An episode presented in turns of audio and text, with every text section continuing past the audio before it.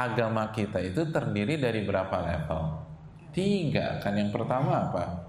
Islam, Muslim. Yang kedua iman jadi mukmin. Yang ketiga ihsan jadi orang muhsin.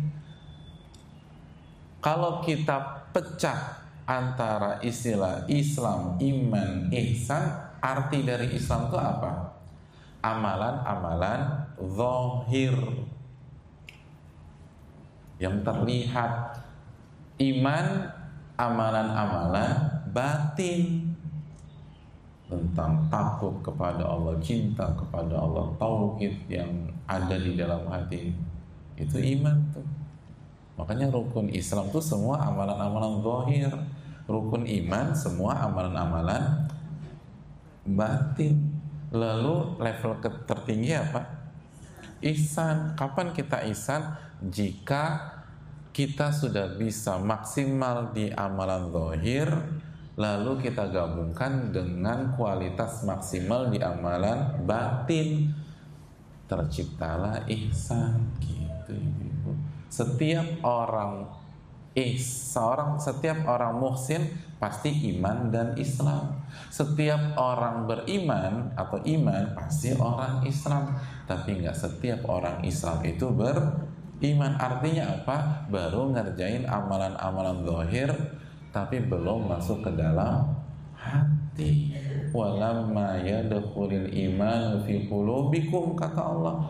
Iman itu belum masuk ke hati baru baru sampai ke bahu makanya bahunya ditutup baru sampai ke leher lehernya ditutup baru sampai ke poni poninya tutup kadang-kadang awal-awal poninya masih nyembul gitu loh kan gitu bu uh -uh, baru sampai situ. Baru sampai paha pakai paha ditutup lutut. Dan belum sampai hati tuh bahkan kadang-kadang mulut aja belum sampai bu mulut tuh makanya masih asik tuh. Ngomongin aib-aib orang gitu.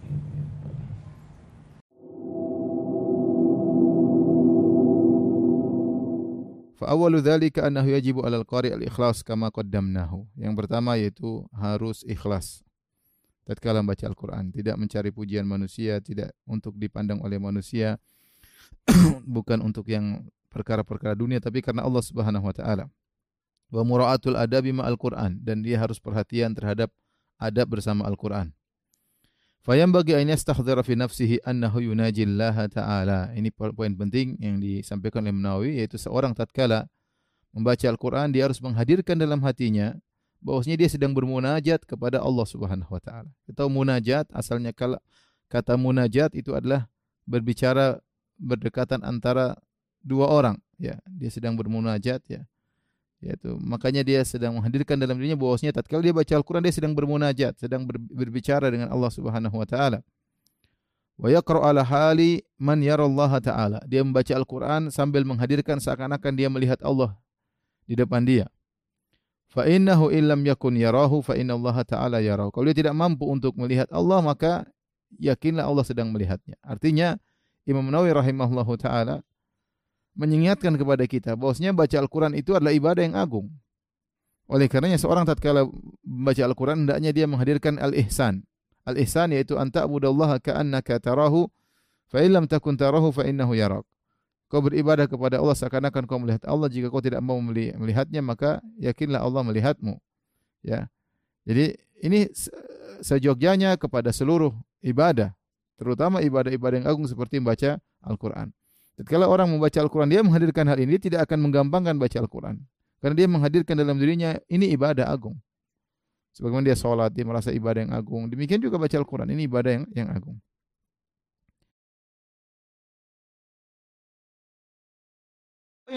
تنصروا الله ينصركم ويثبت أقدامكم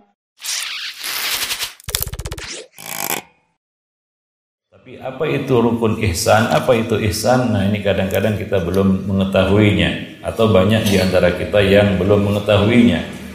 Rukun ihsan ada dua.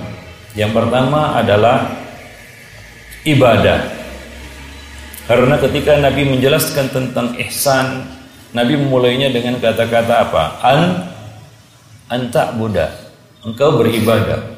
Jadi kalau ingin mencapai derajat ihsan harus dengan ibadah. Maka orang-orang yang katanya mencapai derajat wali tapi gak perlu lagi ibadah, kan ada seperti itu ya. Katanya orang ini sudah sampai tingkatan yang paling tinggi, makrifat, bahkan hakikat. Katanya dia nggak perlu ibadah lagi. Nah itu itu adalah suatu pembagian agama yang batil, menyimpang. Ya di dalam menurut Nabi tingkatan yang paling tinggi di dalam agama itu adalah ih, ihsan dia ibarat lingkaran terkecil dari lingkaran-lingkaran yang lebih besar darinya. Lingkaran yang paling besar itu Islam. Di dalam lingkaran Islam itu ada lingkaran yang lebih kecil, inilah lingkaran iman. Dan di dalam lingkaran iman yang kecil itu ada lingkaran yang lebih kecil lagi, lebih khusus lagi, itulah dia lingkaran eh, ihsan. Ikhwani fiddin ma'asyiral muslimin. Dan rukun ihsan itu ada dua. Yang pertama adalah ibadah. Anta'budallah engkau beribadah kepada Allah. Maka untuk mencapai derajat ihsan yang paling tinggi ini ya kita harus beribadah dengan kita katakan seluruh makna ibadah itu yaitu ismun jami'un likulli ma yuhibbullahu wa yarda. Mencakup semua perkara yang dicintai dan diridhoi oleh Allah Subhanahu wa taala. Bukan hanya ritual-ritual ibadah yang kita kenal, ya karena banyak ya, kita katakan ibadah. Ya berakhlak mulia juga ibadah. Ya bahkan salah satu ibadah yang agung itu adalah berakhlak mulia. Akhwanifiddin ma'asyiral muslimin. Ini adalah ibadah yang bisa kita lakukan 24 jam. Berakhlak mulia. Kalau salat mungkin waktunya ya tertentu. Dan kalaupun kita mengerjakan salat paling ya 15 menit, 30 menit, Ya, salat malam yang 11 rakaat mungkin satu jam, itu pun sudah lama, kan begitu ya. Tapi akhlak mulia ini kita bisa lakukan 24 jam dalam aktivitas kita sehari-hari dan dalam interaksi kita dengan manusia. Di rumah, di tempat kerja, di pasar, dan di mana saja. Ini bisa kita lakukan ibadah akhlak mulia ini. Maka Nabi Shallallahu Alaihi Wasallam menjelaskan keutamaan keutamaan akhlak mulia bahwa itu juga termasuk salah satu bentuk ibadah kita kepada Allah Subhanahu wa taala. Maka uh, kita katakan puncak keikhlasan itu ya yaitu ihsan ini hanya dapat diraih bagi orang-orang yang mengabdikan dirinya kepada Allah dengan ibadah dengan semua jenis dan makna ibadah itu. Ada ibadah kalbi, ada ibadah lisan, ada ibadah jawari ya semua jenis ibadah. Nah, demikian ya. Itu yang pertama. Yang kedua adalah muraqabah, yaitu ibadah yang bukan hanya sekedar ibadah, tapi ini ibadah yang spesial. Ibadahnya disertai dengan muraqabah. Ya ka'annaka tara. Fa in lam takun tarahu fa innahu yarak. Ini intinya.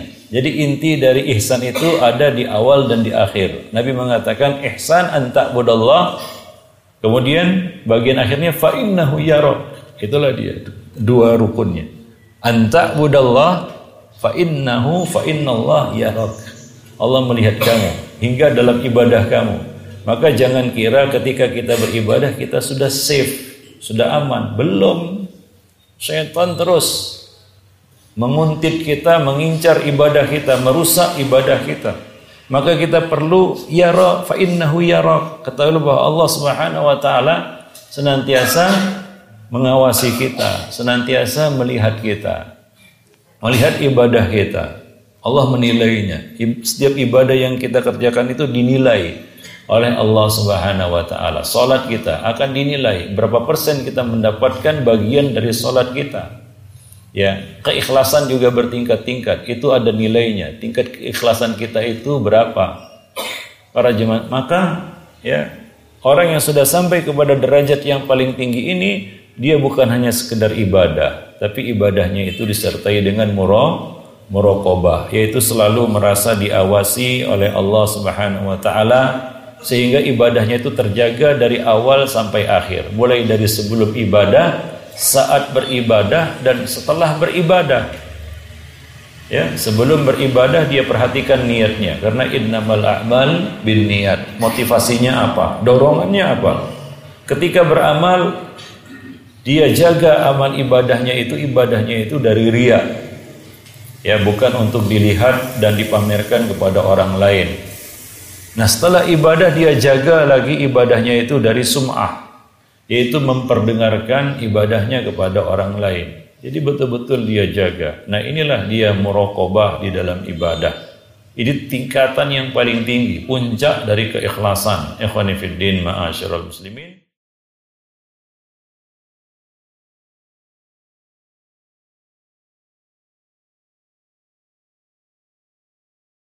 Assalamualaikum Sobat Yufid Sekarang ribuan video Islam di harddisk ini boleh Anda miliki. Mau? Hubungi kami sekarang ya. Kami tunggu ya.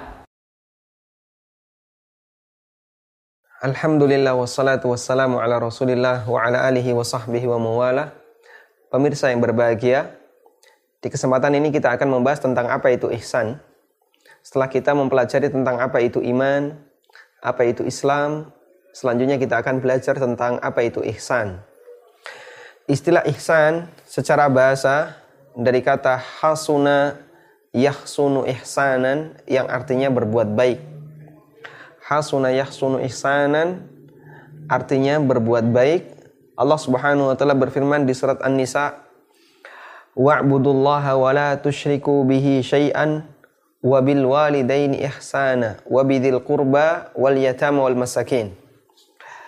Beribadalah hanya kepada Allah semata dan jangan menyekutukan Allah dengan sesuatu apa pun. Wabil walidaini ihsana dan lakukanlah ihsan kepada kedua orang tua, wabidil kurba, kepada kerabat dekat, dan seterusnya. Makna ihsan di ayat ini adalah berbuat baik. Dan ini salah satu di antara makna ihsan dalam Al-Quran. Kemudian, ihsan menurut pengertian istilah di situ ada dua. Yang pertama, ihsan terkait beribadah kepada Allah Subhanahu wa taala. Dan yang kedua adalah ihsan ketika berinteraksi dengan sesama makhluk. Kita akan sebutkan definisi masing-masing. Ihsan terkait beribadah kepada Allah pernah didefinisikan oleh Rasulullah Sallallahu Alaihi Wasallam ketika beliau ditanya oleh Jibril, "Akhbirni anil ihsan." Tolong jelaskan kepadaku tentang apa itu ihsan. Lalu kata Nabi Sallallahu Alaihi Wasallam, "An ta'budallaha ka'annaka tarah fa illam takun tarahu fa innahu yarak. Engkau beribadah kepada Allah ka'annaka tarah, seolah-olah engkau melihatnya. Fa illam takun tarahu dan jika engkau tidak melihatnya, fa innahu yaraka, maka yakini bahasanya dia mengawasimu, dia melihatmu. Berdasarkan penjelasan yang disampaikan oleh Nabi Shallallahu Alaihi Wasallam, ihsan dalam beribadah ada dua tingkatan. Yang pertama adalah ihsan pada tingkatan musyahadah. Ihsan dalam beribadah dalam arti seolah-olah kita melihat Allah Subhanahu wa taala. Kemudian yang kedua, ihsan dalam beribadah pada tingkatan muraqabah. Ihsan dalam tingkatan muraqabah adalah ketika kita beribadah, kita meyakini kita sedang diawasi oleh Allah Subhanahu wa taala. Baik. Mungkin untuk yang kedua, kita tidak terlalu sulit untuk memahaminya. Lalu bagaimana dengan makna ihsan pada tingkatan yang pertama, ihsan musyahadah, ihsan untuk derajat musyahadah seolah-olah kita menyaksikan Allah Subhanahu wa taala. Ada dua penjelasan ulama di sini. Penjelasan yang pertama yang dimaksud an ta'budallaha ka'annaka tarah. Engkau beribadah kepada Allah seolah-olah engkau melihatnya. Maksudnya adalah musyahadatus sifah engkau beribadah kepada Allah seperti engkau melihat bagaimana sifat keagungan Allah Subhanahu wa taala. Sehingga pada saat dia beribadah, dia memperhatikan sifat-sifat Allah, keagungan Allah, kemahabesaran Allah. Dia bayangkan betapa dia sedang berada di hadapan Allah yang maha agung, yang maha tinggi, yang maha mulia. Sehingga dia serius dalam beribadah. Serius dalam melakukan penghambaan diri kepadanya Jalla Jalaluhu. Kemudian makna yang kedua atau pendapat yang kedua yang dimaksud an ta'budallaha ka'annaka tara engkau beribadah kepada Allah seolah-olah engkau melihatnya maksudnya adalah di situ bukan melihat Allah namun pengandaian. Sehingga seolah-olah dia berada di hadapan Allah Subhanahu wa taala. Dia beribadah seolah-olah berada di hadapan Allah Subhanahu wa taala. Dan Anda bisa bayangkan ketika orang itu sedang bekerja dan persis di depannya ada bosnya. Apa yang akan dia lakukan? Dia akan bersungguh-sungguh secara maksimal ketika bekerja agar nantinya bosnya menilainya sebagai karyawan yang baik sehingga dia bisa mendapatkan gaji yang tinggi, dapat bonus yang lebih besar dan tidak mendapatkan hukuman dari bosnya. Seperti itu pula ketika orang bersemangat melakukan ihsan pada tingkatan musyahadah. Dia beribadah kepada Allah dengan membayangkan seolah-olah Allah Subhanahu wa taala berada di hadapannya. Sehingga dia serius dalam beribadah, dia jaga fisiknya, jangan sampai ketika beribadah salah untuk melakukan gerakan ibadah. Jangan sampai gerakan fisiknya itu tidak sesuai dengan apa yang dianjurkan oleh Nabi Shallallahu alaihi wasallam. Dan yang kedua dia juga memperhatikan hatinya. Jangan sampai hatinya tidak fokus ibadahnya di masjid namun hatinya di dapur atau hatinya berada di jalan atau hatinya berada di tempat yang lain. Tapi dia fokus, fisiknya fokus, hatinya fokus. Itulah orang ihsan. Dia seolah-olah berada di hadapan Allah. Dia bayangkan seperti berada di hadapan Allah sehingga dia serius dalam beribadah. Sehingga tingkatan ihsan yang kedua yaitu tingkatan ihsan muraqabah seolah-olah dia atau dia meyakini bahasanya dia diawasi oleh Allah tidak lebih hebat dibandingkan tingkatan yang pertama. Karena kalau kita bekerja, ada CCTV. Bos kita tidak di hadapan kita. Tapi ada CCTV yang nyambung ke kantornya bos. Mungkin keseriusan kita ketika bekerja tidak sebagaimana ketika dilihat langsung oleh bosnya. Makanya ihsan pada tingkatan yang kedua lebih rendah dibandingkan ihsan pada tingkatan yang pertama. Kemudian berikutnya Ihsan dalam bentuk berbuat baik kepada makhluk. Ihsan ketika kita berinteraksi dengan sesama makhluk. Baik makhluk yang hidup, yang berakal maupun yang tidak berakal. Nabi Shallallahu Alaihi Wasallam pernah mengatakan dalam hadis riwayat Muslim dan yang lainnya, beliau mengatakan, Inna Allah katabal ihsana ala kulli syai'in.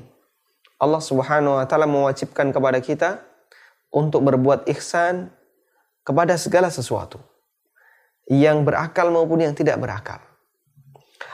Sampai faida qataltum fahsinul kitla. Kalau kalian harus membunuh sesuatu, maka lakukanlah ihsan ketika membunuh. Misalnya bagaimana? Kita digigit semut. Ya. Kemudian kita merasa kesakitan, kita boleh membunuhnya. Karena dia telah mengganggu kita. Maka pada saat membunuhnya, kita diperintahkan berbuatlah ihsan ketika membunuhnya. Sehingga kita tidak boleh membunuhnya dengan pelan-pelan ya. Kakinya dipotong satu demi satu, satu potong, sejam berikutnya dipotong, sejam berikutnya dipotong ya. Setelah itu ditusuk perutnya, cairannya keluar, kemudian dipotong sedikit demi sedikit tubuhnya ya. Sampai akhirnya dia mati. Maka pembunuhan yang mengandung penyiksaan semacam ini dilarang karena tidak berbuat ihsan terhadap binatang. Wa idza dzabhtum fa'ahsinu dzabha. Dan ketika kalian menyembelih binatang, maka berbuatlah ihsan ketika menyembelih.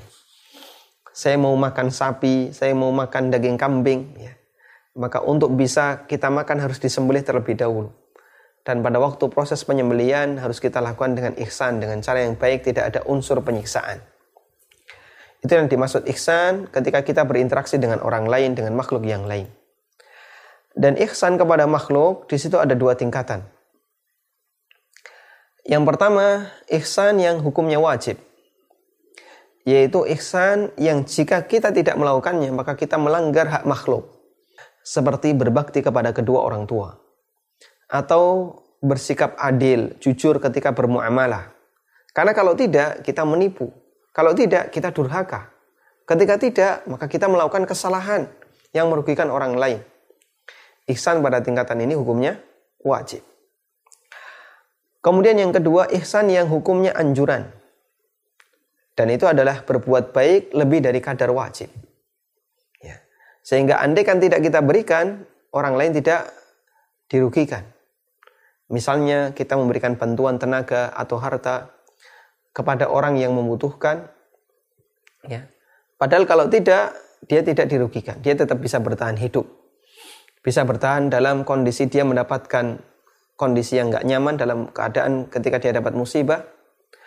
Namun ketika kita berbuat baik kepadanya kita mendapatkan tambahan pahala. Dan itulah ihsan yang statusnya sebagai ihsan yang hukumnya sunnah. Wallahu taala alam, semoga bermanfaat. Wassallallahu ala nabiyyina Muhammadin wa ala alihi wa sahbihi wasallam. Yuk, dukung UFIT TV dengan belanja di UFIT Store. www.ufitstore.com Assalamualaikum warahmatullahi wabarakatuh. Wa nasta'inuhu wa nastaghfiruh wa na'udzu billahi min shururi anfusina wa min sayyiati a'malina. من يهده الله فلا مضل له ومن يضلل فلا هادي له أشهد أن لا إله إلا الله وحده لا شريك له وأشهد أن محمدا عبده ورسوله صلى الله عليه وعلى آله وصحبه وسلم تسليما كثيرا إلى يوم الدين أما بعد Ayuhal muslimun wal muslimat, para pemirsa yang dirahmati Allah Azza wa Jalla. Di kesempatan yang mulia dan berbahagia ini, marilah senantiasa kita meningkatkan keimanan dan ketakwaan kita kepada Allah Subhanahu wa taala. Atas nikmat dan karunia-Nya kita diberikan kesempatan kembali untuk mendengarkan tanya jawab seputar al-aqidah al-islamiyah minal kitabi was sunnati sahihah Mudah-mudahan dengan mendengarkan jawaban-jawaban yang bersumber dari Alkitab dan Sunnah ini akan memperbaiki dan meluruskan akidah kita sehingga kita bisa selamat kelak di akhirat. Sebagaimana Allah Azza wa Jalla sebutkan dalam firman-Nya yauma la yanfa'u malun wala banun illa man atallaha biqalbin salim. Pada hari itu tidak ada gunanya mal harta kita. Tidak ada gunanya juga anak-anak kita keturunan kita kecuali yang datang kepada Allah dengan hati yang salim hati yang bersih hati yang selamat Para pemirsa yang dirahmati Allah Subhanahu wa taala, salawat dan salam tidak lupa kita haturkan bagi nabi kita Muhammad sallallahu alaihi wa ala alihi wa sahbihi wasallam. Pada kali ini kita akan ambil pertanyaan yang berikutnya, ma huwal ihsanu fil ibadah? Apa itu ihsan dalam ibadah? Kita mengetahui ketika malaikat Jibril datang kepada Rasul sallallahu alaihi wasallam bertanya kepada Nabi tiga inti utama. Tiga poin utama. Akhbirni anil Islam, akhbirni anil iman, wa anil ihsan. Apa itu ihsan? Al-ihsanu huwa muraqabatullah ta'ala fil ibadah. Yang dikatakan ihsan adalah merasa diawasi oleh Allah Azza wa Jalla dalam setiap kita beribadah. Dalam setiap tindak tanduk kita, dalam seluruh perbuatan kita, merasa terus diawasi, dilihat oleh Allah Subhanahu wa taala. Dengan demikian, kita merasa terdorong untuk terus memperbaiki amalan kita dan takut kita untuk maksiat kepada Allah Azza wa Jalla. Kenapa? Karena terus dilihat oleh Allah yang sangat-sangat berbeda dengan apa yang diperbuat oleh manusia sekarang. Diletakkan CCTV, pengawas, kamera pengintai. Tujuannya apa? Pencuri tidak bisa bergerak atau diketahui siapa mencuri, siapa yang korupsi, siapa yang ini. Ini adalah Allah Subhanahu wa taala di samping yang menyiapkan kita malaikat kiri dan kanan. Ini Allah Azza wa Jalla melihat kita, mengintai kita. Tidak ada yang tersembunyi bagi Allah Subhanahu wa taala sedikit pun. Maka ihsan ini mendorong kita untuk waspada terus. Merasa diawasi oleh Allah Azza wa Jalla. Wadalilu ala dhalika qawluhu ta'ala. Dalilnya adalah firman Allah Azza wa Jalla. Dalam surat Ash-Shu'ara ayat 218 sampai 219 Allah berfirman, "Alladzi yaraka hina taqum wa taqallubaka fis sajidin." Dialah Allah Azza wa Jalla yang melihat engkau ketika engkau berdiri dan Allah Subhanahu wa taala melihat engkau bagaimana engkau terbolak-balik sujud, bersimpuh di hadapan Allah Azza wa Jalla di malam hari, di tengah gelapnya malam. Allah Azza wa Jalla melihat semuanya. yang mana la takhfa alaihi khafiyah, tidak ada yang tersembunyi bagi Allah Azza wa Jalla. Kemudian juga dalam hadis Nabi sallallahu alaihi wasallam hadis Jibril yang diriwayatkan oleh Imam Muslim, al-ihsanu an ta'budallaha ka'annaka tarahu. Yang namanya ihsan engkau beribadah kepada Allah seolah-olah engkau melihatnya. Dengan demikian kita terus memperbaiki amalan kita. Fa illam takun tarahu fa innahu yaraka. Apabila engkau tidak melihatnya dan tentu sesuatu yang tidak mungkin di dunia ini. Karena tidak mampu kita melihat Allah Azza wa Jalla di dunia ini, maka yakinlah seyakin-yakinnya dan sepasti-pastinya Allah Azza wa Jalla melihat kita. Maka ke mana pun kita bersembunyi, Allah Azza wa Jalla selalu melihat kita waspada dan waspadalah. Semoga Allah memberikan kita derajat ihsan. Karena apa? Tidak semua orang yang Islam beriman. Dan tidak semua yang beriman itu bisa ihsan. Adapun ketika kita muhsin, pasti beriman, pasti Islam. Ketika kita beriman, pasti kita Islam. Hadha huwa wallahu ta'ala ala wa alam. Wa sallallahu ala nabina Muhammad. Walhamdulillahi rabbil alamin. Wassalamualaikum warahmatullahi wabarakatuh.